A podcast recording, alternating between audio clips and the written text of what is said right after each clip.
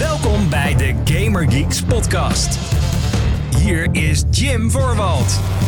Hallo mede Gamer Geeks, wat leuk dat je luistert naar de Gamer Geeks podcast, de talkshow van GamerGeeks.nl, waarin ik en soms een andere geek je graag bijpraten over alles wat er gaande is in en rondom de gamingindustrie. Ik ben Jim dus, datum van opname is 19 januari 2022. Ik wil je graag van harte welkom heten bij deze 181ste aflevering van de Gamer Geeks podcast. En al wat heb ik zin om deze eh, op te nemen. Ik heb zeg maar zin in dit moment, want er is iets gigantisch gebeurd.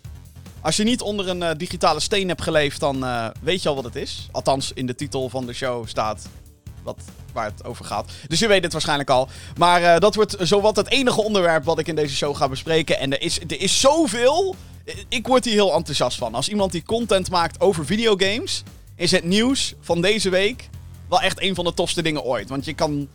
Nou ja, ik, ik kan er waarschijnlijk uren over praten. Ik ga nu in ieder geval een poging doen om er een uur onafgebroken over te lullen. Uh, maar dat komt dus helemaal goed. Hey, uh, mocht je deze show trouwens leuk vinden, uh, abonneer dan op deze podcast. Dat kan via je favoriete podcastdienst, waar je ook maar naar podcast luistert. Daar is de Gaming Geeks podcast op te vinden. Denk je bijvoorbeeld aan Apple Podcast of Spotify.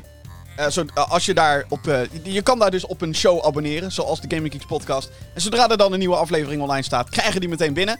Mocht je bijvoorbeeld op Apple Podcast of Spotify zitten... Geef dan ook even een recensie. Dat zou ik heel fijn vinden.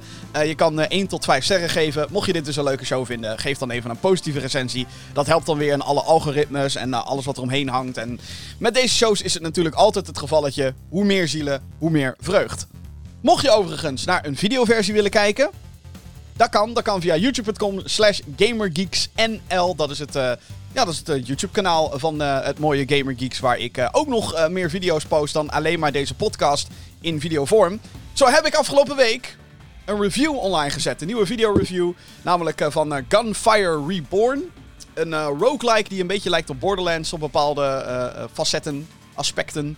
Uh, vorige week heb ik het daar um, kort over gehad in, uh, in de show. En uh, nu heb ik een, een, een, review online staan die je dus kan checken via youtube.com slash gaminggeeksnl.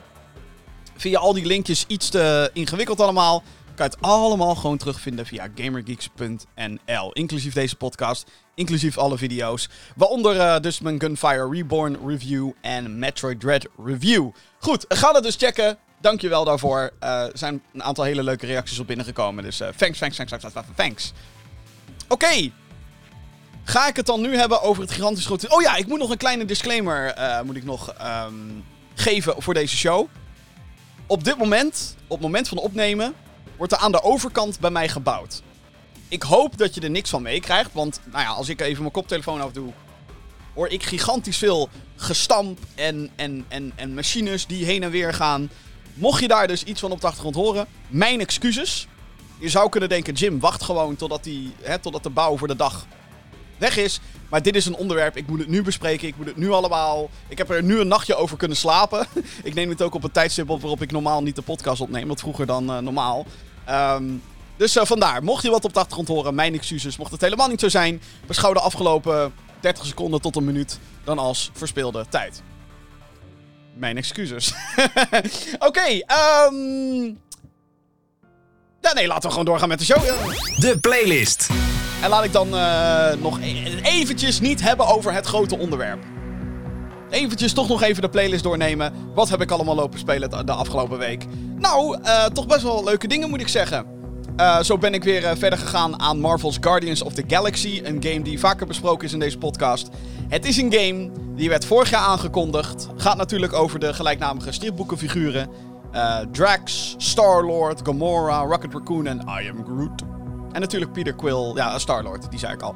je speelt als Star-Lord. Het is een geweldige game. Het is een game die vooral gaat over een goed verhaal en toffe personages. En hoe meer ik van die game speel, hoe meer je meekrijgt van die characters en dat verhaal. En het lijkt niet slechter te worden. Dus ik vind het heerlijk. Uh, die een paar weken geleden in deze show uh, heeft geco-host, is bezig met een video-review. Maar die zit nu nog in de Alpen, geloof ik, lekker aan het skiën. Dus komt er ook allemaal aan. Maar Marvel's Guardians of the Galaxy. Als je een gamer bent die houdt van een goed verhaal en toffe characters, ga die game spelen. Als je helemaal niet bent van het daadwerkelijke gamen. Ik weet niet waarom je dan naar deze show luistert, maar hey, kan. Zou zomaar kunnen. Laat het even weten via de mail. Podcast.gaminggeeks.nl, lijkt me wel leuk. Anyway, ehm, maar mocht je zeg maar geen zin hebben in schietactie en zo en, en obstakels. wil je gewoon genieten van een verhaal? Zet alles dan gewoon op super very easy. En uh, ga dat meemaken, want het is echt te gek. Gewoon, het komt zelden voor dat ik een game alleen maar aanraad op basis van het schrijfwerk. Life is Strange is, zou dan een voorbeeld zijn. Maar uh, dit is ook zo'n uh, uniek geval, als je het aan mij vraagt. Ik vind het echt te gek. Dus uh, ga, ga, dat checken, ga dat checken, ga dat checken. Marvel's Guardians of the Galaxy dus. Daarnaast ben ik deze week ook echt weer flink gedoken in Far Cry 6. De open world first-person shooter door Ubisoft. En de reden waarom is omdat, nou, over twee weekjes... Zeg ik dat goed? Ja, twee weekjes. Op het moment van opnemen dan natuurlijk. Um, komt Dying Light 2 uit. Uh, ook een open world first person game. Wel heel anders qua insteek. Dying Light 2 is een zombie, post-apocalyptische zombie game. Far Cry 6 is dat absoluut niet. Um, maar ik wil wel iets van mijn backlog wegwerken.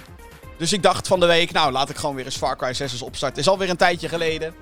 En toen merkte ik dat ik er lekker in begon te komen. Gewoon lekker niet al te druk maken over dat mechanics niet goed werken. En, en je, je moet een beetje meespelen met de game, als het ware. Je moet een beetje uh, buigen naar de mechanics van de game. Uh, klinkt logisch, want hey, een spel heeft nou eenmaal een aantal mechanieken. En dat, hè, dan moet je als speler moet je daar mee leren leven. klinkt al hard. Maar ja, ik, ben nogal gefrustreerd over Far Cry 6 namelijk. Omdat het, het is de zesde mainline Far Cry game. En um, als ik zeg maar de, de kritische hoed op moet zetten dan is Far Cry 6 alles behalve een stap vooruit. En ik heb me daar heel erg aan geërgerd. En daar erger ik me nog steeds aan. Ik wil eigenlijk ook gewoon de game uitspelen zodat ik hem nog kan reviewen. Of dat gaat lukken voor Dying Light 2, dat betwijfel ik in alle eerlijkheid. Maar hey, whatever. Ik, ik ga een poging doen. Um, en er is inmiddels ook weer DLC uitgekomen en zo. Dus uh, het, het, houdt niet op, niet vanzelf. Maar um, voor iemand die Far Cry 3, 4, 5, Primal en New Dawn allemaal heeft gespeeld, is dit zeg maar dat ik denk. Ik wil vooruit met die games. Weet je wel, ik wil de volgende stap zien. Ik wil iets zien gebeuren in Far Cry 6. Wat absoluut niet kan gebeuren in Far Cry 3, 4, 5. En dat is in Far Cry 6 gewoonweg niet het geval. Heel veel aspecten stellen teleur. Maar. Stel, je hebt nog geen enkele Far Cry game gespeeld. Ik zou dat persoonlijk zeggen: ga lekker deel 3 spelen is waarschijnlijk goedkoper. En heeft Michael Mando als Vaas. Vaas de baas, een van de beste videogame bad guys ooit. Uh, Giancarlo Esposito wordt, uh, die speelt in Far Cry 6. Je kan hem kennen van Breaking Bad en uh, The Mandalorian en The Boys. Um, hij is nogal teleurstellend. En dat komt niet door de acteur zelf, dat komt gewoon door zijn rol in de game. Het is gewoon niet heel erg boeiend, zeg maar. Maar um, als je zeg maar, die kritische. Je zet de kritische hoed even af. Althans, dat had ik deze week dus heel erg. En ik zit gewoon met mensen te kletsen via Discord. En ik zit gewoon een missietje te doen. En soms dan moet ik even lachen om de, om de belachelijkheid die er gebeurt. Dan bijvoorbeeld, weet ik veel, ik rij een paaltje aan met 2 km per uur. En dat ding vliegt naar de andere kant van het level heen. En dan denk ik, oké, dat is best wel grappig eigenlijk.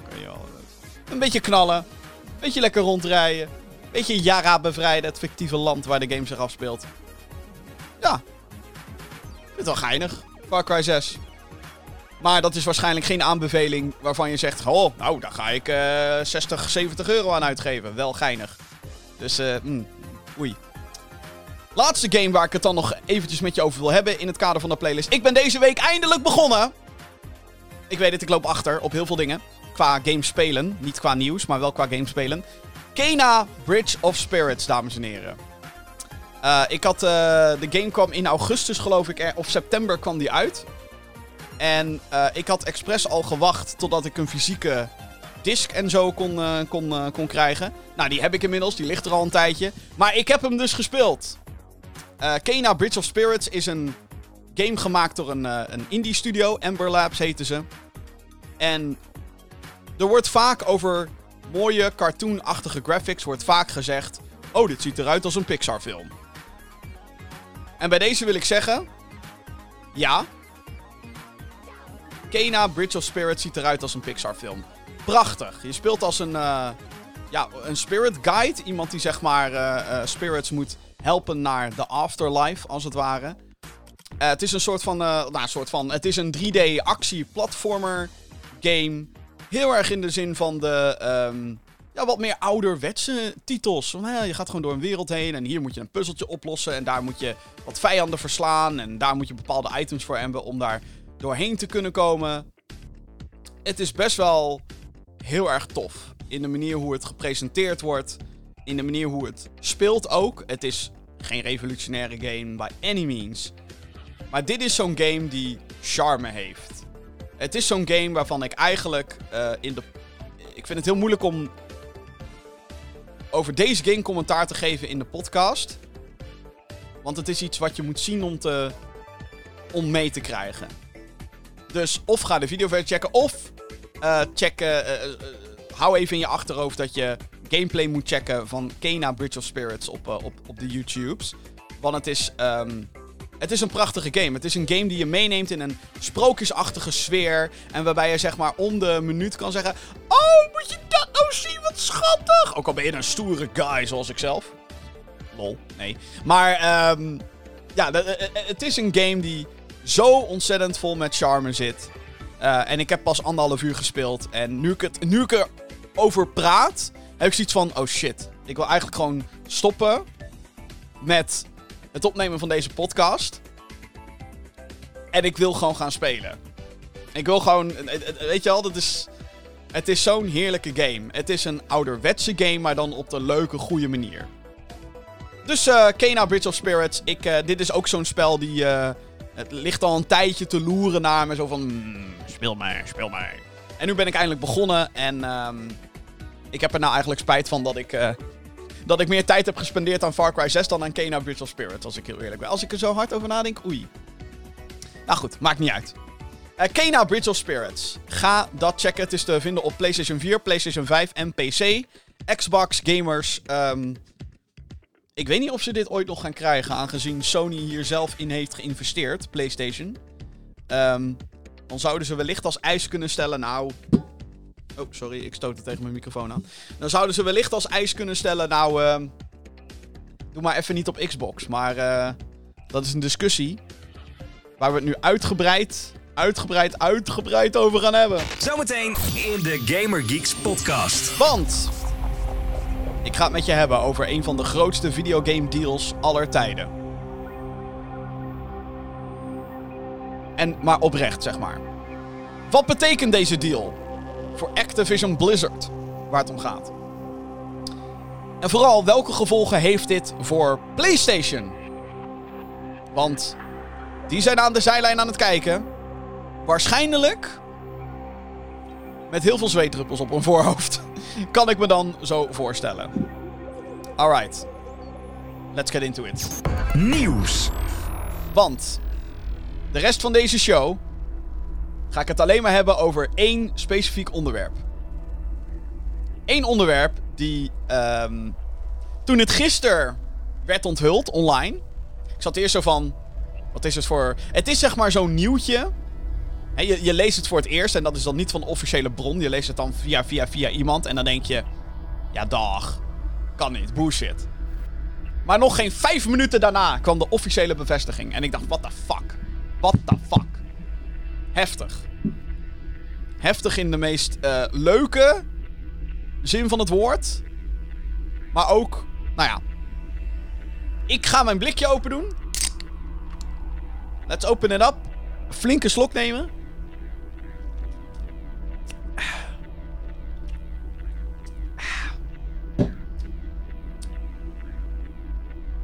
Laten we beginnen. Op 18 januari 2022 werd de grootste aankoop ooit aangekondigd in deze videogame-industrie. Microsoft slash Xbox neemt het geheel van Activision Blizzard over. Dat betekent dat alle uitgeefpartijen, games, IP's, intellectual properties betekent dat, en studio's die daaronder vallen, nu onderdeel worden van Team Xbox. Holy shit. Holy shit. Activision Blizzard staat voornamelijk bekend om de franchises Call of Duty, World of Warcraft, Overwatch, Diablo, StarCraft en, jawel, Candy Crush. Andere franchises zijn Crash Bandicoot, Tony Hawk's Pro Skater, Guitar Hero, Spyro, The Last Vikings, Blackthorn en meer, meer, meer, meer, meer, meer. De studio's die hiermee gepaard gaan zijn Blizzard Entertainment, uiteraard. Infinity Ward, Treyarch, Sledgehammer Games, Raven Software, Demonware, Beanox, Toys for Bob, Vicarious Visions, King, High Moon Studios, Digital Legends, Radical Entertainment en alle PR-kantoren en studio's die gewoonweg Activision plaatsnaam heten. Zoals Activision Shanghai heb je geloof ik. Nog nooit is er zo'n grote acquisitie gedaan in de videogame-industrie. Microsoft betaalt volgens de New York Times 68,7 miljard dollar voor Activision Blizzard. Het is de grootste aankoop voor Microsoft ooit, die eerder al social media netwerk LinkedIn overnam voor meer dan 25 miljard dollar. Daarnaast nam het uh, Minecraft-ontwikkelaar Mojang over voor 2 miljard en ZeniMax, beter bekend als Bethesda, voor 7,5 miljard. Zo. Niet miljoen, miljard. Miljoen, mil nou ja, het is bijna heel veel miljoen miljard wat Microsoft heeft uitgegeven de afgelopen aantal jaren. Activision begon in 1979 als eerste third-party uitgever ooit. De oprichters wilden games uitbrengen uh, zonder de invloed van Atari, die op dat moment de industrie domineerde met hun consoles. Alhoewel het bedrijf ook van andere partijen is geweest, is het uitgegroeid tot een van de grootste publishers. Blizzard Entertainment werd opgericht in 1991, maar toen onder de naam Silicon and Synapse. Ze wisten na een paar console games de PC-markt op zijn kop te zetten met titels als Warcraft, Starcraft en later RPG's, Diablo en World of Warcraft. World of Warcraft is dan natuurlijk een MMO, een van de populairste MMO's ooit. In juli 2008 werd het bedrijf overgenomen en ontstond Activision Blizzard, alhoewel Blizzard toen wel op zichzelf bleef opereren. Activision Blizzard kwam vorig jaar in hevige opspraak toen het werd aangeklaagd door de staat van Californië. Na een onderzoek van twee jaar bleek een giftige welcultuur de norm te zijn, met seksuele intimidatie, racisme, seksisme, mishandeling en machtsmisbruik. Hierdoor vertrok onder andere al de president van Blizzard en een aantal eh, werknemers met een hoge positie. Afgelopen week nog werden 30 extra mensen ontslagen vanwege slecht gedrag. De CEO, Bobby Kotick... Eh, of, hoe, zeg je de naam van die teringlaaier? De CEO, Bobby Kotick... Kotick? Een van die twee. Uh, wist hiervan uh, en ligt dus ook onder vuur. Zijn lot blijft op dit moment onduidelijk. Hij blijft CEO totdat de deal met Microsoft is afgerond. Dit zal naar verluid tot juni 2023 duren. Wat er daarna gebeurt, is nog niet bekend. Velen hopen dat hij natuurlijk uh, optieft. Maar uh, ik zag net ook alweer een linkje dat hij er kennelijk 375 miljoen dollar zelf aan overhoudt aan deze deal. Hij is iemand die ook ontzettend veel aandelen heeft in Activision Blizzard. En dat maakt hem helaas een machtig man. Xbox is de afgelopen jaren dus ook niet vies van het doen van aankopen. Hiervoor wisten ze de gaming-industrie ook al op te schudden met de aanschaf van ZeniMax, dus beter bekend als Bethesda, en al die studios en IP's. Oké. Mensen. Holy fucking shit. uh, ja, wat, wat ik net al omschreef. Ik was echt gewoon helemaal... Fucking mindblown toen dit gebeurde. Het kwam ook soort van uit het niets. Soort van, oh ja, by the way, we kopen Activision Blizzard. En, en voor iemand die is opgegroeid. Voor iemand die... Hè, ik bedoel, ik ben 31 jaar. Ik heb in mijn leven ontzettend veel uren gespendeerd aan Blizzard games. En... Blizzard Entertainment was ooit een, een, een bedrijf dat kon je niet aanraken, weet je wel. Het was het heilige Blizzard. Dat heilige Blizzard was de afgelopen paar jaar natuurlijk al een beetje beetje naar de kloot aan het gaan. Je, je, je, merkte als speler en iemand die dan alles volgt eromheen. Merkte je een beetje, de invloed van, van Activision. Hè, dat, Activision wordt toch al gezien als zo'n smerige uitgever. Oh, wij zijn voor het geld. Ja, we zijn voor het geld. Maar hey, ook Activision producten. Daar heb ik heel veel tijd aan gespendeerd. Ik heb weet ik hoeveel herinneringen aan Guitar Hero. Crash Bandicoot. Oké, ja. Het begon natuurlijk bij Sony en Naughty Dog Crash Bandicoot. Maar Crash Bandicoot 4 was geweldig. Bijvoorbeeld de Tony Hawk games. Hallo. Activision maakte vroeger ook Spider-Man games. En er zijn heel veel slechte Spider-Man games geweest vanuit die hoek. Maar ook een aantal ontzettend vette. Dus het is wel... Is een big deal. Het is echt een big deal dit. Dat, dat dit gebeurt. En als ik meteen even in een kleine rant mag gaan. Heb ik jouw permissie? Dankjewel. Um, ik heb stom verbaasd zitten kijken naar de line-up van alle Nederlandse talkshows. Op televisie heb ik het nu over. En dit is weer een beetje een Jim gaat op een rant over ouderwetse media. I get it. Maar ik ben, ik ben een mediaman, zeg maar. Tuurlijk, ik maak een podcast. Ik zit op YouTube. Hè. Ik, ik ben, een, ben een gamer. Ik, ik, ik, ik, podcasting. Ik ben, ik ben van, de, van, van de allerlei nieuwe dingetjes. Maar ik ben ook nog steeds heel erg ik heb wel een, gigantisch zwak voor, voor de ouderwetse media. Ik bedoel, ik maak elke week een programma bij Kink, wat een radiozender is. Radio wordt ook vaak gezien als oude media, maar ach, wat is de radio toch geweldig. En televisie heb ik ook gewoon een zwak voor. Ik vond het dan ook heel erg teleurstellend om te zien dat niemand aandacht besteedt, besteedde, had besteed, whatever, aan deze deal. Deze gigantische,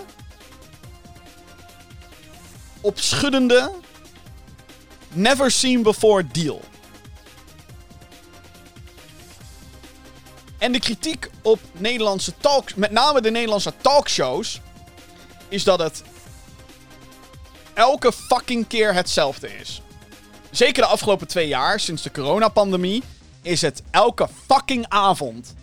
Zijn alle fucking talkshows zijn hetzelfde. Als er iemand meeluistert of meekijkt, die bij een van deze redacties werkt, alsjeblieft. Ga eens een keertje kijken naar wat je concurrent doet. En ook als je iemand bent die bij op één werkt, is M. Hè, datgene wat om 7 uur wordt uitgezonden. Of Galit en Sophie, of wie voor de fuck er dan ook zit. Moet je dan ook bij deze even beschouwen als concurrent? Kijk even naar de line-up van die shows. En ga eens een keer variëren. Doe dat eens een keertje. Het is elke keer. Oh, er is weer iets gebeurd rondom de toeslagenaffaire. Nou, dan gaat elke fucking talkshow gaat daarover praten. Allemaal. Allemaal. Met allemaal exact dezelfde insteek. Allemaal.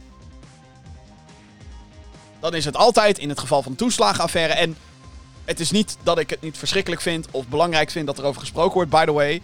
Ehm, hè, dan is het altijd politicus hier, slachtoffer daar. Altijd. Ho, er is weer iets rondom. Hoe zit het met de coronapandemie? Wat voor gek over het vaccin hebben we nou weer ontdekt? Nou, dan gaan we weer een of andere fucking tegenspreker gaan we weer aan tafel zetten. En natuurlijk onze politiek verslaggever. Altijd. Bij al die programma's. We hebben 24 fucking talkshowtafels en ze doen allemaal hetzelfde. Deze week natuurlijk uh, het hele gedoe rondom The Voice of Holland. Ook al is er geen nieuws, whatever, we gaan erover praten. Hè?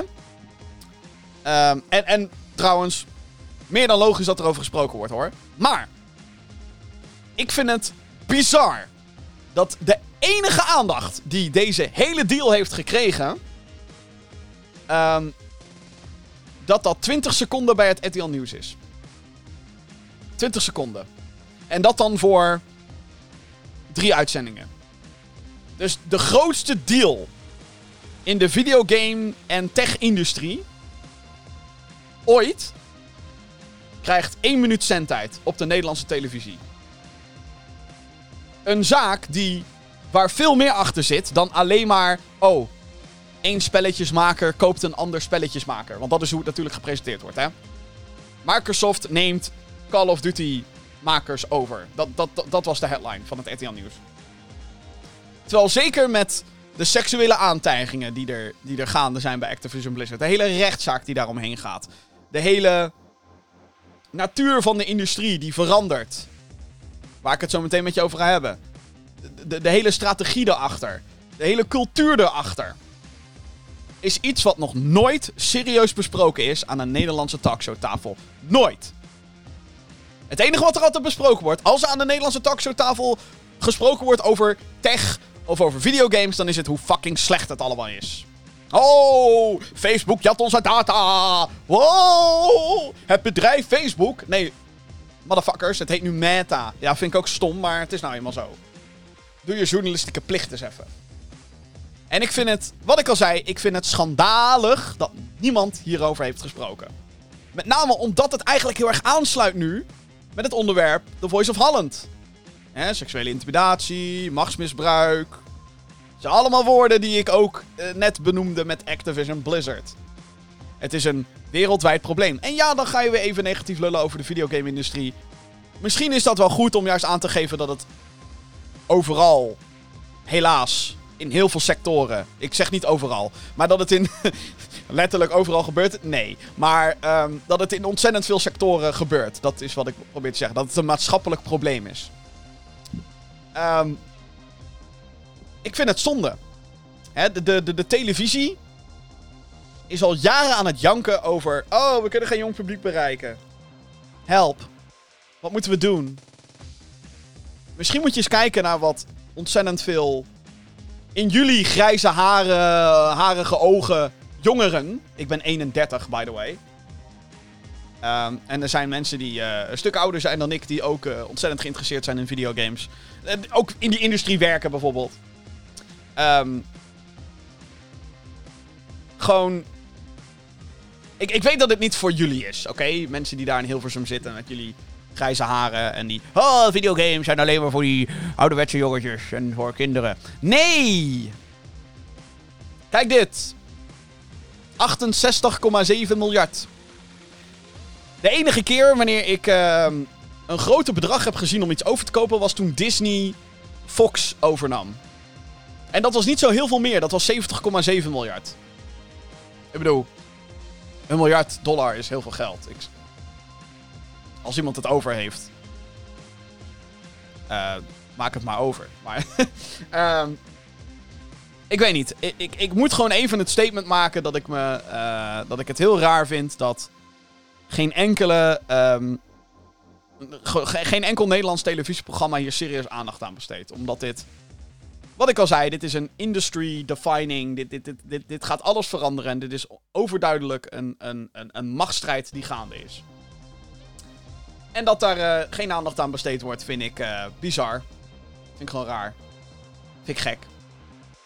Je zou denken dat daar ergens wel de ruimte voor is. Je zou denken dat deze redacties zich wel enigszins bewust zijn van wat er online in ieder geval en, en in de wereld allemaal gebeurt. Behalve dezelfde vaste onderwerpen.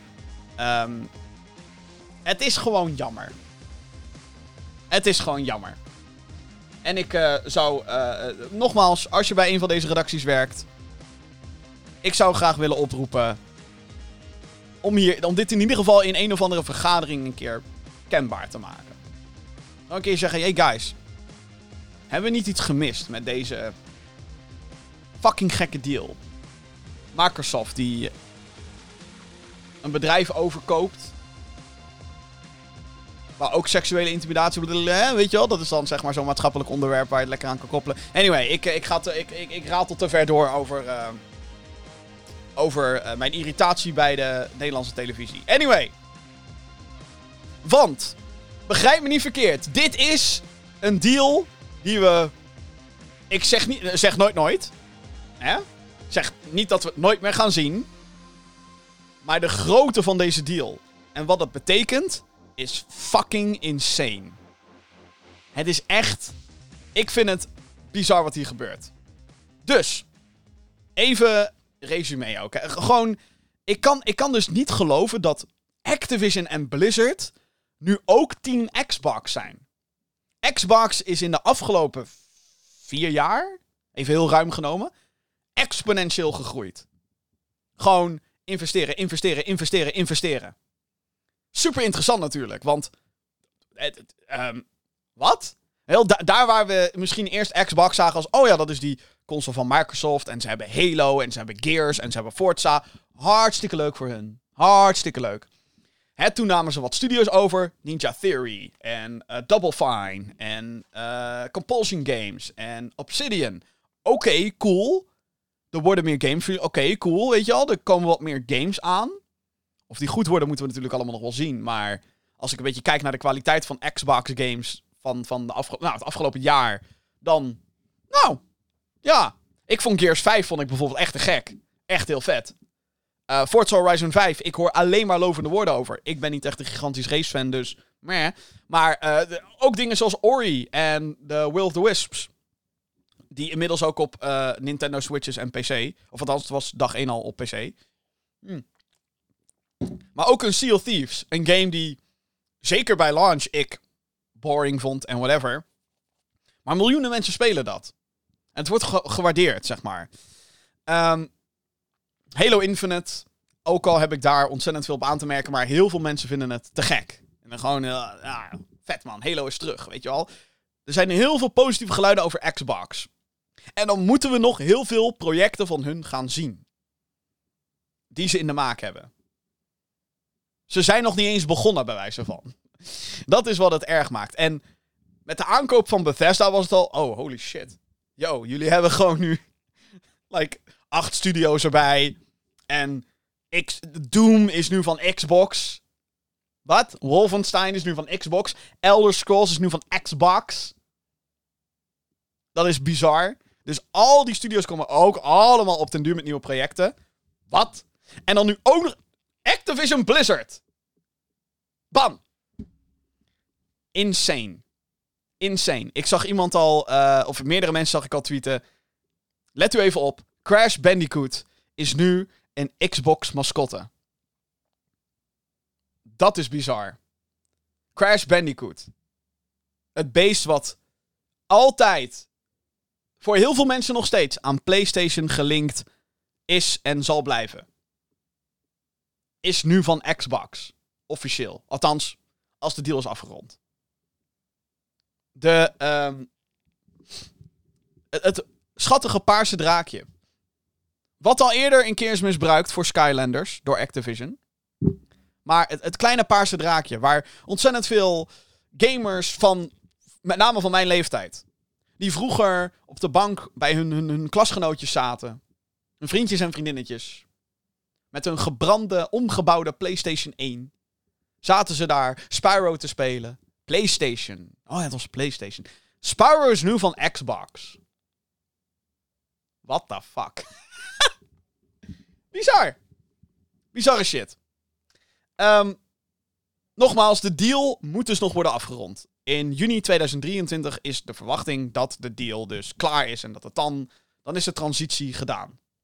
Dan is Activision Blizzard officieel volledig van Xbox.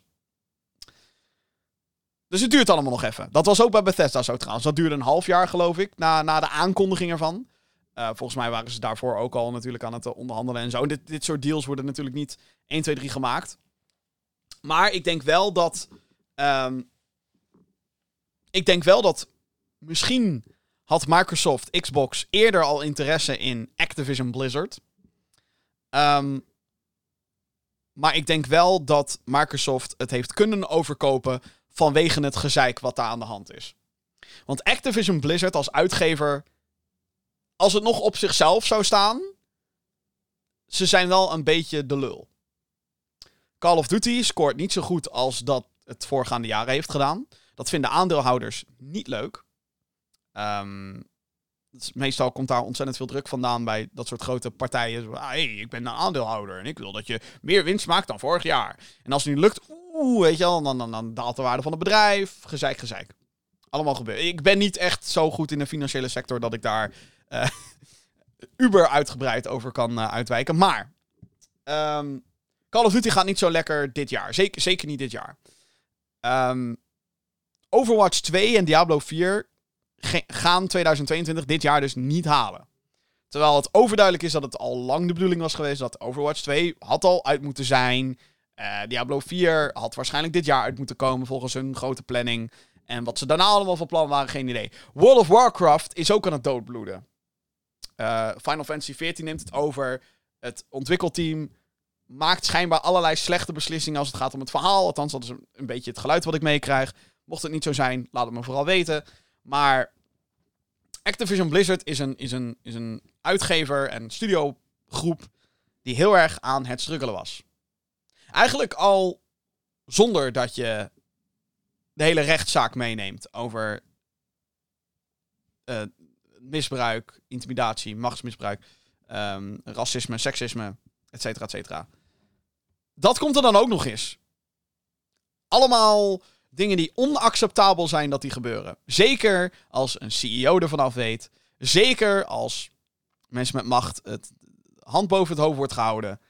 Onfucking acceptabel. Ik heb het al heel vaak gezegd in deze podcast. Onacceptabel dat dat soort shit gebeurt. Kappen. Helpt natuurlijk Activision Blizzard als bedrijf ook niet. je moet allemaal mensen ontslaan. Uh, en, en gewoon even heel zakelijk gezien, hè. Ze hebben weet ik hoeveel mensen ontslagen die uh, en, terecht, by the way. Ehm, maar ze hebben heel veel mensen laten gaan die ehm, een, een, een, een sleutelpositie hadden binnen een team. Dat betekent dus dat het project continu wordt vertraagd. En geloof mij maar dat met deze aankoop. ehm, gaat er echt wel. eh, de, de bezem er doorheen. Xbox moet de bezem er doorheen halen. En misschien gaat dat pas vanaf juni gebeuren, waardoor we. Zeg maar een beetje. onze verwachtingen moeten temperen met dat er meteen dingen gaan gebeuren. Eh, maar. sowieso, die CEO moet weg. En of dat gaat gebeuren, dat hangt dus nog een beetje in de lucht. Dan komt er weer een artikel met, oh, Bobby Kotick blijft. Dan komt er weer een artikel met, nee, als het is afgerond, dan pleurt Bobby Kotick op. Dus wat het nou is op dit moment, ik weet het niet. Maar ik hoop van harte dat Phil Spencer gewoon zegt, yo, bedankt. Je hebt meer dan genoeg geld op je bankrekening om de rest van je leven lekker te gaan zitten wanken op een of andere peperdure jacht. Waar zelfs Willem-Alexander fucking jaloers op zou zijn. Veel plezier, jongen. Dag. Doei. Ik mag hopen dat dat gebeurt.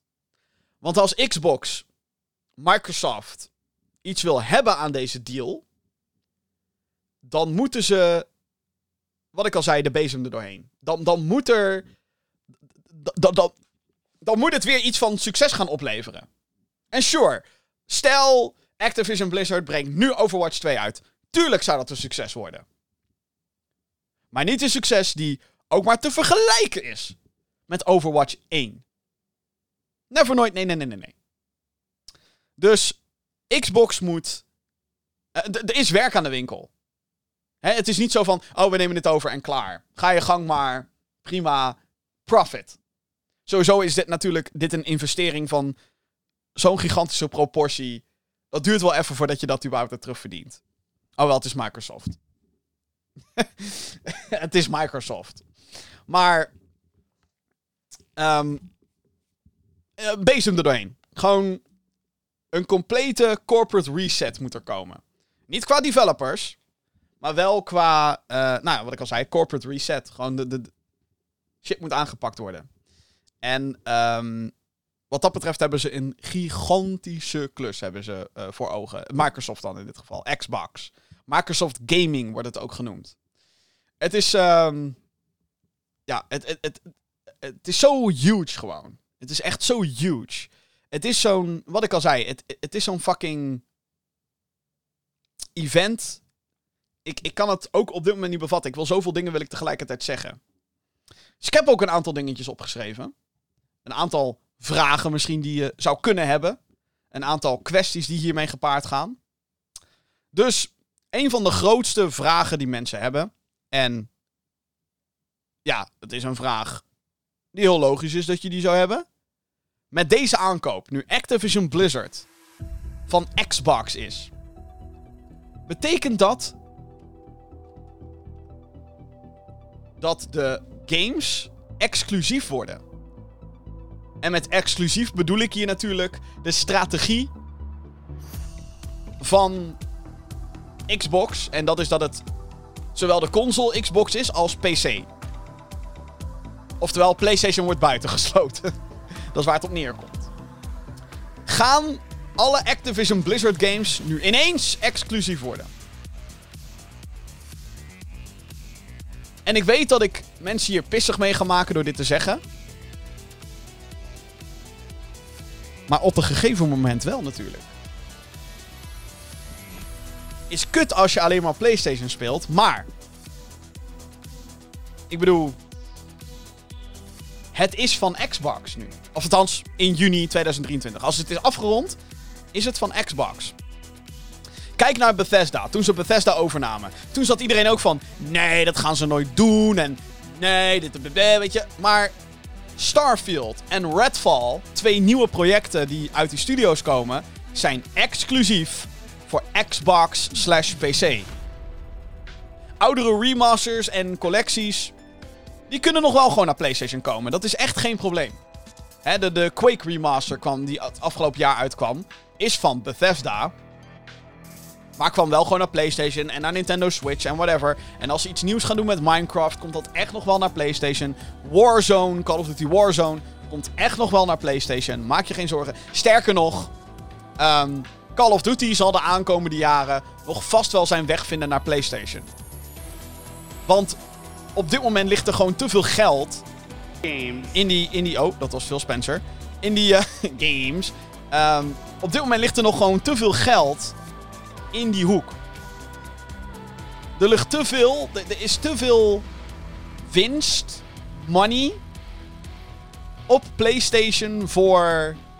Hè, om zomaar nu te zeggen... Flikker Call of Duty er vanaf. Sowieso gaan ze geen oude games weggooien, denk ik. Ik denk dat ze gewoon gaan... Hè, het zal mondjesmaat gebeuren. Maar deze deal is gemaakt om één gigantische reden. En dat is niet zodat Xbox meer games kan. Tuurlijk. Eh, Nou ja, jawel. Het gaat om meer games maken. Het gaat om meer content. Maar het gaat om content niet voor hun console, maar voor Game Pass. Game Pass, en dit zeg ik, heb ik ook al zo vaak gezegd in deze show. Game Pass is de strat van Microsoft. Zij willen de Netflix qua gaming worden. En dan heb ik het niet over het Netflix van nu, maar het Netflix van vijf jaar geleden. Zes jaar geleden. Toen iedereen Netflix had. Toen er geen enkele concurrent was die, die serieus kon concurreren met Netflix. Wilde je een streamingdienst? Was het Netflix. Punt. Nu is dat anders, natuurlijk. Nu is dat gewoon, hè? Nu wordt de markt helemaal opgesplit. Xbox wil die positie hebben. Microsoft. Eh, laten we het voor het gemak gewoon even Xbox blijven noemen. Xbox wil die positie hebben. Xbox wil zeggen: Game Pass komt op jouw smart TV. En Game Pass is het enige wat je nodig hebt. Of althans, hè? Wij gaan met zo'n breed, vet aanbod komen. Dat er geen enkele andere dienst meer is. die daar überhaupt ook maar aan kan tippen. En eigenlijk is op dit moment is Game Pass Ultimate, dus dat je voor Xbox en PC hebt, eigenlijk al gewoon fucking bizar goed. Laat staan over een aantal jaar, want er komen, als het gaat om hun first party titels, dus titels die echt van Xbox en Microsoft zijn, er komen alleen maar meer dingen bij. En hoe meer Game Pass naar de cloud gaat. En dus wat ik al zei op een gegeven moment ook eh, via dat er gewoon een app op je televisie staat die Game Pass heet. Of Xbox heet. Bam!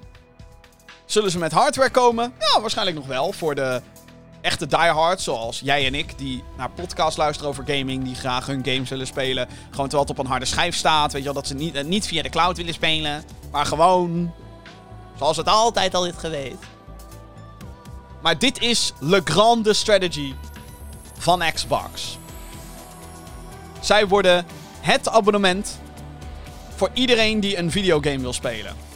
En hoe breder dat aanbod wordt, hoe beter. Nou, het eh, lijkt me overduidelijk dat op een gegeven moment natuurlijk alle games op dag 1 naar Game Pass komen. En dit zal waarschijnlijk pas volgend jaar zijn, nogmaals, wanneer alles is afgerond, bla bla bla. Dus het is niet zo dat eind dit jaar de nieuwe Call of Duty dag 1 naar Game Pass komt. Maar vanaf volgend jaar wel. En dat is fucking huge. Call of Duty, dag 1 naar Game Pass. Een abonnementje die je op dit moment 15 euro per maand kost. Je krijgt de nieuwe Call of Duty, de nieuwe Fable, de nieuwe Forza, de nieuwe Gears, de nieuwe Halo. Holy fucking shit. De nieuwe Elder Scrolls, de nieuwe Doom, de nieuwe... En met dit is dat nog meer huge. Overwatch op Game Pass. World of Warcraft. Of waar... waar eh, Diablo 4, dag 1. Bam, bij je, bij je abonnement in, inbegrepen. Ik zeg niet gratis, want gratis vind ik zo'n gevaarlijke term om rond te gooien hier. Want je betaalt immers voor het abonnement. Maar dat is een, een powerhouse. Een power move van heb ik jou daar. Gewoon. Bam, motherfuckers. Betekent dit dan dat het dus niet meer op PlayStation gaat komen? Luister.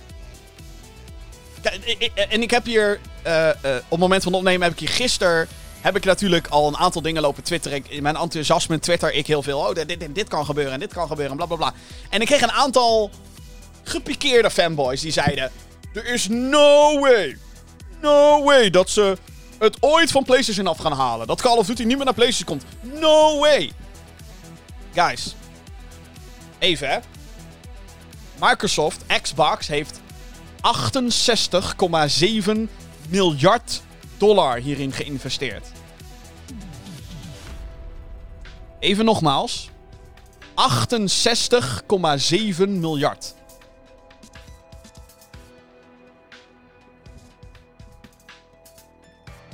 Het is gewoon 9 keer Bethesda wat ze hier gewoon hebben geïnvesteerd. In één keer, bam, hier zo.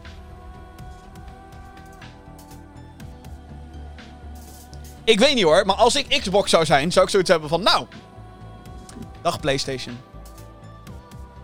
Later. Maar dat ben ik. Misschien ben ik dan een teringleier. Het is uiteindelijk natuurlijk iets aan de rekenkamer van Microsoft om dit uit te gaan rekenen.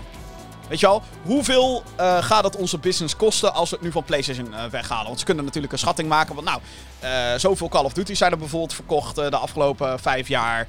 30% ehm, van, van wat. Oké, okay, even. laat ik het zo zeggen, ze kunnen uitrekenen hoeveel geld dat ze kan opleveren. Weet je wel? En dan, en dan zouden ze kunnen zeggen: Goh, stel dat we dat dan niet doen. Stel dat we Call of Duty weghouden van PlayStation. Dan gaat dat ons zoveel klanten kosten. Uh, hè, dan wordt onze playerbase wordt zo. En waarschijnlijk komen er dan een aantal mensen over. Maar niet iedereen gaat dat doen natuurlijk. En niet iedereen gaat een Xbox kopen om Call of Duty te spelen. Uh, maar dan heb je al hun andere games die daar natuurlijk ook bij komen. Uh, waarschijnlijk kunnen ze op basis van al die theorieën en suggesties. Daar heb je marktonderzoek heb je daarvoor. Zij kunnen waarschijnlijk die afweging het beste maken. Beter dan dat ik dat hier kan doen. Maar wat ik al zei, bijna 70 miljard is hierin geïnvesteerd. En net zoals met Bethesda, hebben zij alle recht om gewoon te zeggen: Weet je, we blijven het nog even ondersteunen, leuk voor jou. Maar uh, op de duur is het klaar. En natuurlijk ga je niet meteen zeggen: Oh, Elder Scrolls komt niet meer naar PlayStation. Tuurlijk, uitbreidingen voor Elder Scrolls Online, die al PlayStation is, komen er gewoon aan. Warzone, wat ik al zei, blijft op PlayStation. Call of Duty blijft voorlopig nog wel PlayStation. Maak je geen zorgen. Maar, op den duur kan Xbox die power move maken en kan gewoon zeggen: Oké, guys, het is uh, genoeg geweest. het uh, komt gewoon op. Uh, alleen op Xbox en PC. Game Pass. Haal Game Pass maar. Overigens denk ik dat het, als het gaat om alle aangekondigde titels. Uh, even Call of Duty daar gelaten, want we weten dat er elk jaar een nieuwe Call of Duty komt. Maar Overwatch 2, Diablo 4, bla bla bla bla bla. Dat komt allemaal gewoon nog naar PlayStation. Denk ik. Ze zouden de move kunnen maken. Nee, doen we niet. Maar jawel, jawel, dat doen ze wel. Daar maak ik me niet zoveel zorgen over. Maar op den duur, zeker als ze al hun studio's gewoon lekker hun gang laten gaan. Stel dat er uh, inderdaad een nieuwe Tony Hawk komt, of een nieuwe Spyro game, of een nieuwe Crash Bandicoot game. Dan, ik denk dat ze gewoon per situatie en per titel gaan kijken. Of het uh, verstandig is om het alleen op Xbox en PC te laten. Of, um, ja, ik zou in ieder geval zeggen, bereid je voor op wat slachtoffers wat dat betreft. Als je PlayStation gamer bent. Als je alleen op PlayStation speelt, whatever. Maar ik wil nogmaals benadrukken dat Xbox 68,7 miljard dollar voor deze aankoop over heeft gehad. Zie jij Disney nu series geven aan Netflix? Nee, tuurlijk niet. Als er iets nieuws geproduceerd wordt en er zit geen contract aan verbonden, gaat het gewoon op Disney Plus. Naar Disney Plus. Gaat niet naar Netflix, gaat niet naar Paramount, gaat niet naar HBO Max. Nee, Disney Plus. En dat is exact, hè, The Simpsons, Disney Plus. Ice Age, Disney Plus. Home Alone, Disney Plus. Marvel, nou ja, noem het allemaal maar op. Disney Plus. Er is no way, er is geen reden waarom Disney het zou weggeven. Levert het dan wat geld op? Tuurlijk levert het wat geld op. Maar Disney wil Disney Plus. Die, die willen de markt overnemen. Zij zijn de grote concurrent van Netflix. Xbox wil gewoon dat Game Pass het ding wordt. Game Pass moet hetgeen zijn wat iedereen heeft. Er zijn nu 25 miljoen abonnees. Zijn er nog niet heel veel? Zeker niet als je het vergelijkt met een Disney Plus. Maar ja, dat is natuurlijk wel. Uh, ook al ben ik iemand die uh, zegt dat de gaming-industrie ontzettend breed is. Maar hey, Disney is uh, toch net wat breder, zeg maar. Um, maar ja, dit is hun doel. En als ze daarvoor games moeten afhouden van PlayStation, gaan ze dat doen. Sterker nog. Nou, nee, daar ga ik het zo meteen over hebben. Daar ga ik het zo meteen over hebben. Laat ik het eerst nog eventjes hebben over de rechtszaak. Want hoe zit het nou met die rechtszaak tegen Activision Blizzard? Is dat nou iets wat zomaar weggaat? Natuurlijk niet. De aanklachten of de, de, aantijgingen, de, de, de, de, de, uh, de beschuldigingen, die blijven. Um, en wat ik al zei, de bezem moet door het bedrijf heen. Um, dus die rechtszaak, als hij voorkomt, dan gaat hij gewoon door natuurlijk. Uh, dat Activision Blizzard is aangekondigd, aangekondigd, betekent niet dat niemand ineens niet gestraft... Of uh, niet dat niemand gestraft gaat worden. Ja, dat is het goede. Uh, wat ik al zei, ik mag hopen dat dit uiteindelijk leidt tot het vertrek van Bobby Kotick. Kotick, whatever. De CEO die het jarenlang onder zijn neus zag gebeuren. Hij is een asshole. Um, en het kan natuurlijk zo zijn dat daardoor alles wat nu in de maak is bij Activision Blizzard nog meer vertraging oplevert. Ik denk dat Microsoft wel de traditie in stand wil houden dat er elk jaar een Call of Duty uitkomt. Het zou in die zin misschien heel erg verfrissend zijn als ze zeggen: Nou jongens, we skippen een jaartje Call of Duty. Want we hebben zoveel andere games voor Game Pass. En ja, dat ze, dat ze die shit kunnen poelen. Um, maar um, ja, nee, die, die rechtszaak die gaat gewoon door. En ik mag hopen dat juist met dit nieuwe leiderschap. dat er. Clean house wordt gemaakt. Dat er eventjes. Hè, dat er wat frisse wind doorheen komt. Dat er. dat de rotten weggaan. Uh, en. ja. Dat ze op die manier uh, toch ook weer een beetje een, een, een soort route naar herstel kunnen maken voor in ieder geval die studio's en, en alles wat met Blizzard en Activision te maken heeft. Um, met name natuurlijk de reputatie van Blizzard. Blizzard werd ooit gezien als het heilige, het, fantastische Blizzard. Wij zijn Blizzard. Weet je wel, wij zijn. Oh. En dat is al een tijdje niet meer zo. En dit is eigenlijk. Ja, de, de, druppel die de emmer deed overlopen wat dat betreft. Er zijn al wat andere momenten geweest, zoals. Uh, wanneer ze een Diablo mobile game aankondigden op een beurs waar echt hun allergrootste diehards zitten die daar zitten voor PC gaming. Dat was ook niet handig niet. Um, maar die rechtszaak, of althans de aantijgingen en zo, dat gaat voorlopig nog wel door. Um, en Xbox kan er eigenlijk pas wat aan doen als natuurlijk die aankoop volledig is afgerond. Althans, er wat aan doen. Ze hebben nu waarschijnlijk natuurlijk al weet ik hoeveel gesprekken en dingetjes die gaande zijn en zo. Maar. Um, ja, la laat ik het zo zeggen. Het ligt er maar net aan hoe, hoe ze de boel willen achterlaten. en um, voor de sake van de slachtoffers. mag ik toch hopen dat er zo snel mogelijk. Uh, dat er mensen worden aangepakt. En dat niemand met smerig kutgedrag wegkomt. Waar natuurlijk ook zo nu en dan een discussie over te voeren valt. Als iemand met iemand anders flirt, is dat dan meteen seksuele intimidatie? Weet je wel? Nou zijn er veel ergere dingen daar gebeurd. Daar zijn e-mails over, daar zijn onderzoeken naar gedaan, bla bla bla. Dus ik wil niet alles wegspelen alsof oh ja, het is maar wat geflirt. Absoluut niet. Maar ja, dat is zeg maar, dat zijn allemaal dingen die uitgevogeld moeten worden. En Oei, oei, oei, oei. Dat, dat, dat is nog een dingetje wat echt wel uh, gaat spelen. Oké. Ik heb uh, PlayStation natuurlijk al een aantal keren genoemd. Wat zijn de gevolgen voor deze deal voor PlayStation? Op dit moment, hè, ik heb het al nu weet ik hoe vaak gezegd, aankoop is nog niet voltooid, duurt nog even. Maar op dit moment betekent het nog niets voor uh, als je een PlayStation 5 hebt, whatever. Um, uiteraard komt er die nieuwe Call of Duty, nogmaals, gewoon naar PlayStation. Overwatch 2 komt gewoon naar PlayStation. Diablo 4 komt gewoon naar PlayStation. Warzone blijft gewoon op PlayStation. Net zoals dat uh, uh, Minecraft gewoon op PlayStation blijft. Net zoals dat War, Warzone, Elder Scrolls Online nog steeds op PlayStation blijft. Um, dat komt allemaal goed. business as usual.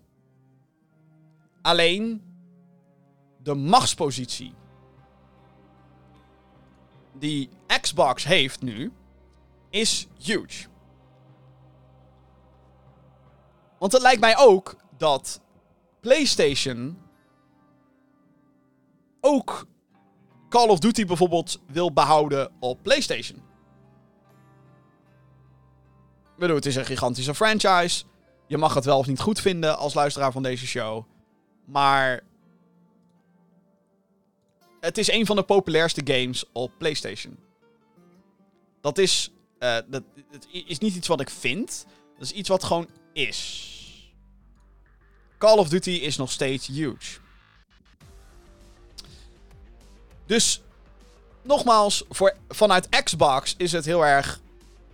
Hè, dan moeten ze gaan uitrekenen. Hè. Als we het op PlayStation bouwen, dan levert ons dat zoveel geld op, bla bla bla.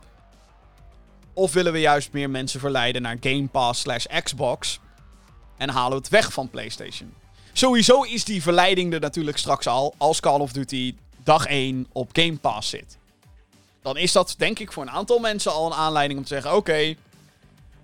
zeker mensen die meerdere platforms in huis hebben. Ja, dan ga ik hem niet meer kopen op PlayStation. Dan ga ik gewoon naar Game Pass. Weet je wel, dat zou dan logisch zijn. Maar ook voor PlayStation is het natuurlijk hartstikke van belang dat die games blijven. Want, nou ja, we zagen het afgelopen jaar. En tuurlijk, we zitten nu met een pandemie. We zitten nu met COVID, bla bla bla. Maar hoeveel first-party PlayStation 5 exclusive games kwamen er uit dit najaar? Het afgelopen najaar, moet ik zeggen. Het afgelopen jaar, 2021. Nul. Nul. Niks. Nada. PlayStation moest het 100% hebben. Van Battlefield en van Call of Duty. Dit jaar is dat wat anders. Want hè, Horizon komt eraan en God of War komt eraan. En het jaar erop komt Spider-Man 2. En nou, hype, hype, hype, hype. Weet je wel, zin in, zeker. Maar er zijn dus momenten, en de, afgelopen najaar was niet het enige moment dat PlayStation zeg maar zelf niet heel veel boeiends of niks had. Um, je bent afhankelijk van je derde partijen. En dit is een huge derde partij die nu gewoon... Nou ja, in, in, het zou zomaar gone kunnen zijn. Dus het is aan PlayStation om heel goed te gaan onderhandelen met Xbox. Om te zeggen, uh, die games blijven ook hier. Maar dan is natuurlijk de grote vraag. Wat gaat Xbox daarvoor in de plek willen? Want die machtspositie hebben ze nu. Zij kunnen gewoon, hey, wij hebben Call of Duty. Jij wil Call of Duty hebben. Oké, let's talk. Laten we praten. Wat zou Xbox kunnen... Xbox zou natuurlijk kunnen zeggen, joh, we willen weer meer winstmarge. Oké. Zou kunnen. Um, wat Xbox. De, de ultieme power move zou natuurlijk zijn. Dat Xbox kan opeisen.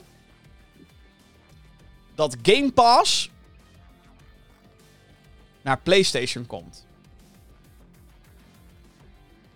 Dat, dat zou de ultieme. Ultieme power move zijn. Als ze die onderhandeling gaan starten. Jullie willen Call of Duty bouwen op PlayStation? Prima. Dan willen wij Game Pass op PlayStation.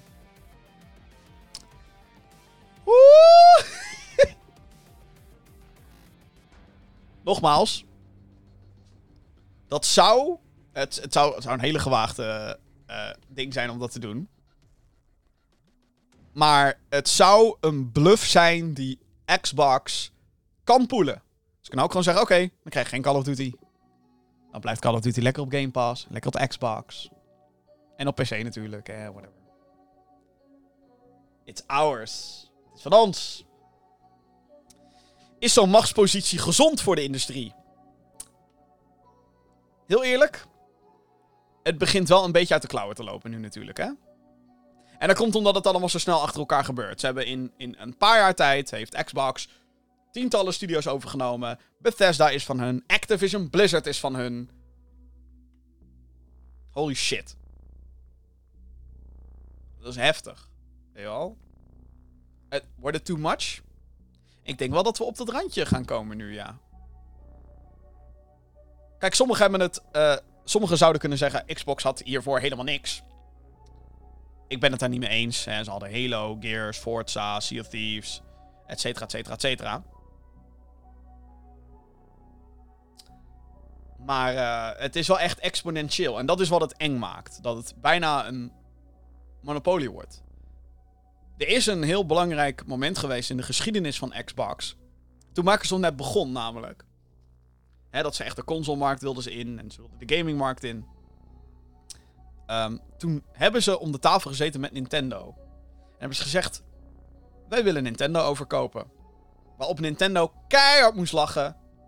En zei: nou, Nee, tuurlijk niet. Nee, denk je, ik ben gestoord man. Wat denk je nou? Dat wij, Nintendo, ons gaan laten overkopen door jou? Kijk, Nintendo is nu een heel welvarend bedrijf. Gaat echt niet willen verkopen. Maar stel. Stel. Dat Nintendo nu in de Wii U-positie zat.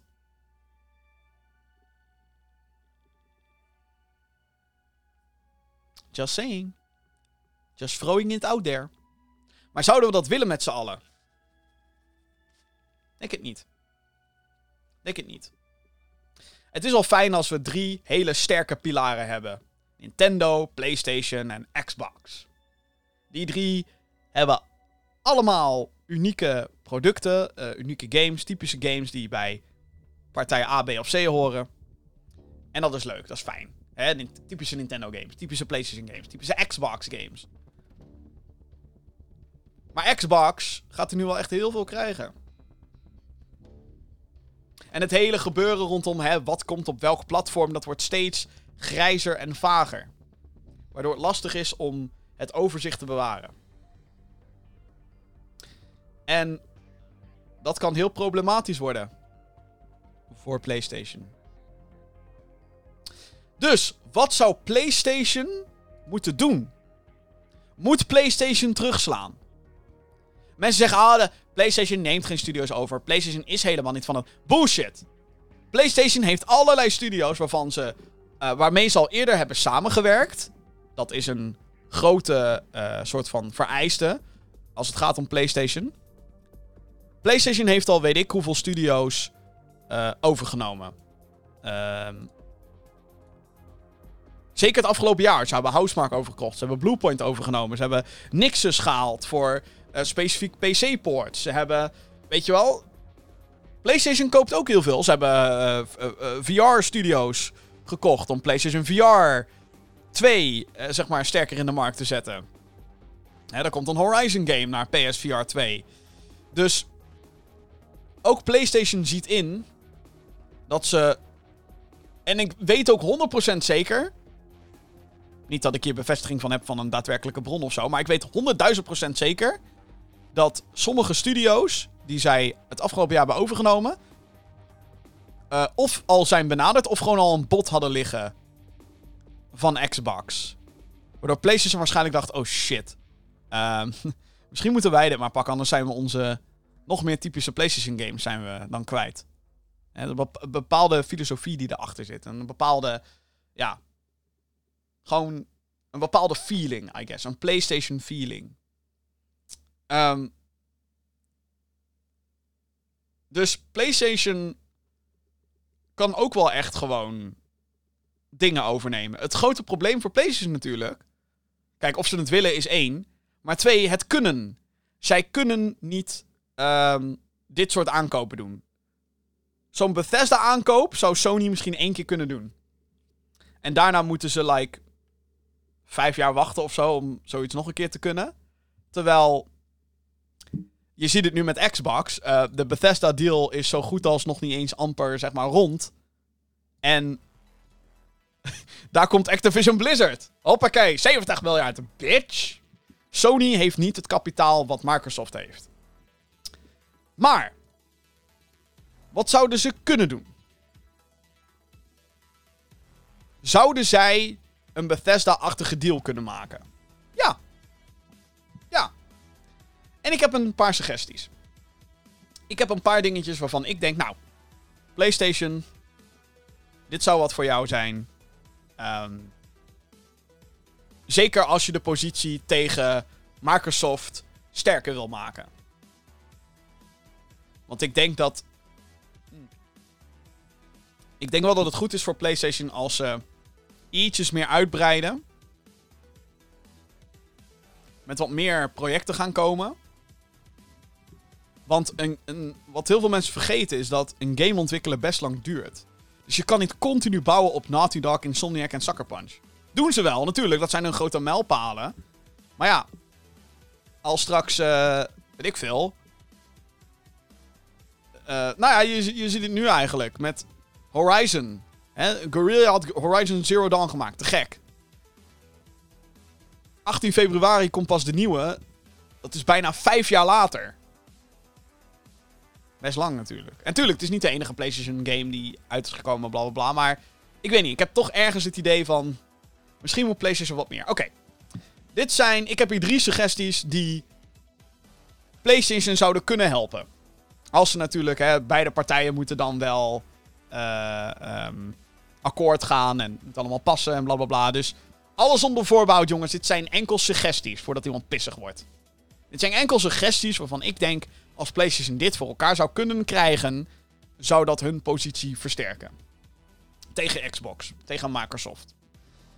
Oké. Suggestie 1. PlayStation moet met Konami gaan praten om al hun gaming IP's over te nemen. Konami staat onder de gamers natuurlijk vooral bekend om hun de games. Ehm, maar in Japan hebben ze ook fitnessclubs en dat soort dingen. En, en, en casino's en noem het maar op. Konami is een veel breder bedrijf. En het is... De laatste jaren is Konami natuurlijk niet meer het Konami van vroeger. Die met weet ik hoeveel games uitkwamen. Sommige waren tering slecht. Andere waren ontzettend vet. De Metal Gear Solid games waren gewoon... Hè, dat, dat zijn legendarische games. Ehm, Sony moet naar Konami gaan en zeggen... Al die gaming IP's... Geef ze... Nou ja, geef. Wij nemen ze van je over. En dan meteen, meteen er allerlei studio's opzetten. Sterker nog, stel dat Sony de Silent Hill franchise... Want dat is een van de franchises die Konami in handen heeft. De IP's, de intellectual properties. Stel, Sony heeft Silent Hill. Ga naar Kojima. Yo. Weet je nog, dat ene project? Bam. Go fix. en weet je, als je dan toch bezig bent met eh, Kojima. Ga, ga, lekker met Kojima aan zee, joh. Ook al is Kojima naar verluid ook bezig met Xbox aan een titel. Woe! Ehm, dus. Maar, maar het is niet alleen Silent Hill, hè. Het is ook Metal Gear. Geef Metal Gear terug aan Kojima. Fuck, neem, neem Kojima over at this point. Maar ehm, Metal Gear past heel erg bij PlayStation. Castlevania is ook van Konami. Kijk, weet je, het is niet een, een, een, een franchise die alleen op PlayStation geweest is. Sterker nog, het, het, voor, de, voor de meeste mensen begon het op de NES. Althans, voor de meeste. Voor heel veel mensen. De, de, de echte origins van toen Castlevania. Dat is de NES, de Nintendo 8-bit. Maar sindsdien is het eigenlijk altijd een beetje third party geweest. Er waren Castlevania games op de Mega Drive en op de Super Nintendo. Er waren eh, Castlevania games op de PlayStation en op de Nintendo 64. Daarin is het altijd een beetje third party geweest. Maar Castlevania en PlayStation is wel echt een hele goede match, vind ik. Dus als je dan die, die drie dingen pakt, en Konami heeft meer in handen. Volgens mij is Bomberman ook van Konami, geloof ik. Ehm, ja, alle Konami IP's naar PlayStation. Do it. Ik zou het een goede move. Dan, ja, de, anders zou ik het niet zeggen in deze podcast, maar. Eh? Oké, tweede suggestie. Even anders. Oh ja, plus. Moet ik het trouwens ook nog even bij zeggen. Dit geldt namelijk ook voor mijn tweede suggestie. Konami is een Japans bedrijf. Sony is Japans. Heel vaak samengewerkt, bla bla bla. Het zijn altijd een beetje de, de, de, uh, de eisen, zeg maar. Oké. Suggestie 2. Wederom een Japans bedrijf. Neem Square Enix over. Dit zou gewaagd zijn, omdat Square Enix wel echt een third-party publisher is. Maar ook deze heeft heel veel aansluiting bij PlayStation. Er zijn natuurlijk ook deeltjes geweest tussen Square Enix en PlayStation. Uh, Spider-Man alleen in Marvel's Avengers op PlayStation. Maar Final Fantasy VII Remake is nog niet op Xbox. En dat, dat komt door PlayStation. Uh, Final Fantasy 16 wordt console exclusive op PlayStation. Op dit moment is dat waarschijnlijk ook tijdelijk. Maar voor hoe lang, dat weten we niet. En Final Fantasy is best wel huge. Best wel groot. Is Final Fantasy 14 online op Xbox? Trouwens. Wacht, ga ik even googlen. Moment. Want als dat zo is. Kijk, Final Fantasy Online Xbox. Even kijken, is hij op Xbox? Nee. Nee. Niet op Xbox, wel op PlayStation. I'm just saying. En dan heb je natuurlijk allerlei andere franchises die Square Enix heeft. Um, Tomb Raider is van Square Enix. Ik bedoel, het is ook niet. Uh, technisch gezien is het nooit een PlayStation exclusive geweest. Het is wel een franchise die heel veel mensen linken aan PlayStation. Dus dat zou ook zomaar een goede match kunnen zijn. En heb je, weet je, Square Enix heeft ontzettend veel. En dat is misschien wel ik denk dat dat. Daarom is het een goede partij. Het is Japans, ze hebben er veel mee samengewerkt. En het heeft heel veel IP's die typisch PlayStation zijn. Dus ook daar zou ik een goede match zien. Zeg maar. Derde suggestie. Dit is de meest out there suggestie. Dit is de meest weirde. Maar wel eentje die voor een shocker zou zorgen. Wel iemand waarvan iedereen zou denken: What? Wat? Dit verandert heel veel. Beetje die categorie. PlayStation. Doe een bot op Ubisoft. Ik weet het, klinkt gek. Ubisoft? De uitgever achter Ghost Recon. De uitgever van Far Cry, Assassin's Creed, de Rayman Raven Rabbits. Really? Rainbow Six? Naar PlayStation? En mijn reden waarom ik dat zeg is het volgende. Uh, en dat is dat ze qua hoe het gaat nu best veel gemeen hebben met Activision Blizzard. Um, ook bij Ubisoft zijn er allerlei aantijgingen van seksuele intimidatie, machtsmisbruik, etc. etcetera. Gezellige boel. Not. Het krijgt niet zoveel aandacht als Activision Blizzard, omdat er bij Activision Blizzard daadwerkelijk een rechtszaak is aangespannen door de staat van Californië. Voor zover ik weet, heeft de Franse, eh, het Franse ministerie van Justitie niet uh, Ubisoft aangeklaagd. Voor zover ik weet. En anders, als het niet meer uitgelicht zou worden, waardoor zelfs ik het niet zou weten, dan is dat best erg. Maar het is duidelijk dat ook daar shit aan de gang is bij Ubisoft. Daarnaast als we gewoon even heel eerlijk kritisch kijken. Ubisoft gaat niet zo heel lekker. Far Cry 6 heeft niet zo goed gepresteerd als dat Ubisoft waarschijnlijk had gewild. Ze gaan allerlei free-to-play dingen doen. Waarvan de fanbase op dit moment zoiets heeft van. Why? Ghost Recon Battle Royale-achtig. Achtige game, hoe heet het? Frontlines of zo. Iedereen zat er van, hè? X-Defiant, een Call of Duty free-to-play rip-off met de Ghost Recon naam, of Tom Clancy's naam, sorry, Tom Clancy, Tom Clancy's X-Defiant, waarvan mensen ook zitten van, hè? Er komt een free-to-play Division. Waarvan we nog niks hebben gezien. Nee. Nee. Daarnaast zijn er allerlei projecten in. in, in nou, ik weet niet wat er gebeurt bij die studio's, maar. duren wel heel lang. We weten nog steeds niet wanneer de Prince of Persia Sense of Time remake uitkomt. Eerst was daar duidelijk een datum. Toen was er nog een datum. En toen was het van nee, we stellen het uit indefinitely. Oei. Problemen. Skull and Bones. Wat de fuck is daar aan de hand? Beyond Good and Evil 2. Ook alweer een eeuwigheid geleden sinds dat we die games gezien hebben. Mijn punt is, is dat Ubisoft aan het struggelen is. En, maar ze hebben wel ontzettend veel goede series en IP's en studio's en noem het maar op. Dus wat voor een fucking power move zou het zijn? Als PlayStation ineens Ubisoft heeft. Bam. Ours. Yes, ours. Come on.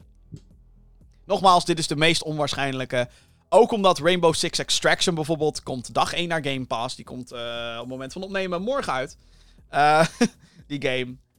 Dus dit is echt de meest onwaarschijnlijke. Soms moet je een beetje out there gaan. Maar als PlayStation echt een soort gelijke deal wilt maken, neem eens Ubisoft over. Zou dat goed zijn voor de industrie? I don't know. Dan ga je wel echt heel erg tegen elkaar opbieden. En op het moment dat je het hebt over tegen elkaar opbieden, dan gaat Sony dat nooit winnen van Microsoft. Maar dit zijn zomaar wat suggesties die ik eventjes aan, je wilde geven. Een beetje food for thought. Waarbij ik wel zeg dat de eerste twee opties die ik zojuist gaf veel logischer zijn dan um, Ubisoft. Maar ja, alsnog. De deal tussen Activision Blizzard en Xbox is ongekend. Het is echt ongekend. Het is een. Een. Ja, hoe moet ik het zeggen? Het is een deal die. Echt gewoon. Het is mindblowing. Het is letterlijk mindblowing. Want vergis, ook al ben je geen fan van bijvoorbeeld een Call of Duty. Vergeet niet wat voor gigantische gevolgen dit gaat hebben. Voor Game Pass, voor de line-up van Xbox, voor de line-up van, van hun console, voor PC, voor hun structuur, voor legendarische bedrijven. Blizzard Entertainment en Activision zijn er al een tijdje. Je al? Ze zijn niet de new kids on the block. Dit zijn veteranen, althans de namen. De, de naam zelf is, is veteraan. Dat gezegd te hebben, omdat ik het al een beetje had over zorgen over monopolie en zo, hoop ik toch wel dat dit hè, naast misschien kleinere studio's overnemen. Maar ik hoop toch wel dat dit eventjes de laatste is. Voorlopig. Gewoon eventjes. Weet je wel, e- eventjes gewoon. Uh, gewoon, gewoon. Het, het is even klaar nu, denk ik. Toch? Dus gewoon eventjes. Doe nu maar even pauze. En, en ik ben vooral gewoon heel hyped om te zien wat er nu allemaal uit die hoek gaat komen. We hebben al wat teasers gezien vorig jaar bij E3. Maar het is. Um, ja, het is huge. Het is fucking huge. En het is een, uh, een move waar we nog jaren over gaan praten. Dit is iets wat natuurlijk voor de rest van het bestaan van Xbox en PlayStation. En in zekere zin dus ook Nintendo. Uh, wel in een veel mindere zin, maar alsnog. En al, die games kwamen ook naar Nintendo. Diablo 2 Resurrected is ook op Switch, weet je al. Um, dit heeft langdurige, forever and ever and ever gevolgen voor de gaming-industrie. En alles is weer anders. Niks zal meer hetzelfde zijn. En ik weet niet hoe het met jou zit. Maar ik kan er best enthousiast over worden. Ik kan hier.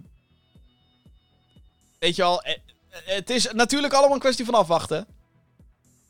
Maar. Het is. Het is huge. Het is huge. En. Ik ben er heel erg blij mee. Dat jij en ik erover kunnen praten. Dus. Dat is eigenlijk een beetje wat ik op dit moment er allemaal over te zeggen heb. Toch 1 uur en 20 minuten. Dus dat is toch wel heftig, zeg maar. Ehm, er zijn inmiddels ook wat eh, mailtjes binnengekomen via uh, nou, dat welbekende e-mailadres natuurlijk. Heb jij een vraag voor de show? Mail naar podcast.gamergeeks.nl Niet specifiek over dit onderwerp trouwens, maar uh, heb je een vraag over dit onderwerp? Of over überhaupt een vraag voor de show? ja, mail dus podcast.gamergeeks.nl Lijkt mij, mij, in ieder geval wel leuk om daar verder over te discussiëren. ja, dan ben ik dus zo langzamerhand bij het einde gekomen van deze gigantische gekke aflevering. Nou, het is geen gigantische aflevering in de zin van hoe lang het duurt, maar het ging eigenlijk over één nieuwtje. nieuwtje, zei ik ook, heel lullig, wat het natuurlijk niet is. Ehm, maar over uh, gigantisch event binnen de gaming-industrie. Uh, nou ja, goed, ja, man, ik word helemaal gek hier. Ja, ik heb ook gewoon het idee dat ik er nog een uur over door moet praten. Maar dat komt nog wel. Dat komt nog wel in een, in een volgende aflevering van de Gaming Geeks podcast. Um, mocht je deze show leuk vinden, uh, vergeet dan natuurlijk niet te abonneren op deze show. Dat kan via je favoriete podcastdienst waar je nu deze show luistert. Uh, zoals bijvoorbeeld Apple Podcast en Spotify. Um, als je een recensie wil achterlaten, dat kan namelijk op die twee zojuist genoemde platforms. Doe dat even, daar help je mij enorm mee. Er is ook een videoversie, die is natuurlijk te vinden op youtube.com slash. Daar waar we ook al onze andere videocontent op posten. Zoals de nieuwe Gunfire Reborn review en mijn Metroid Dread review. En nog veel meer wat eraan komt.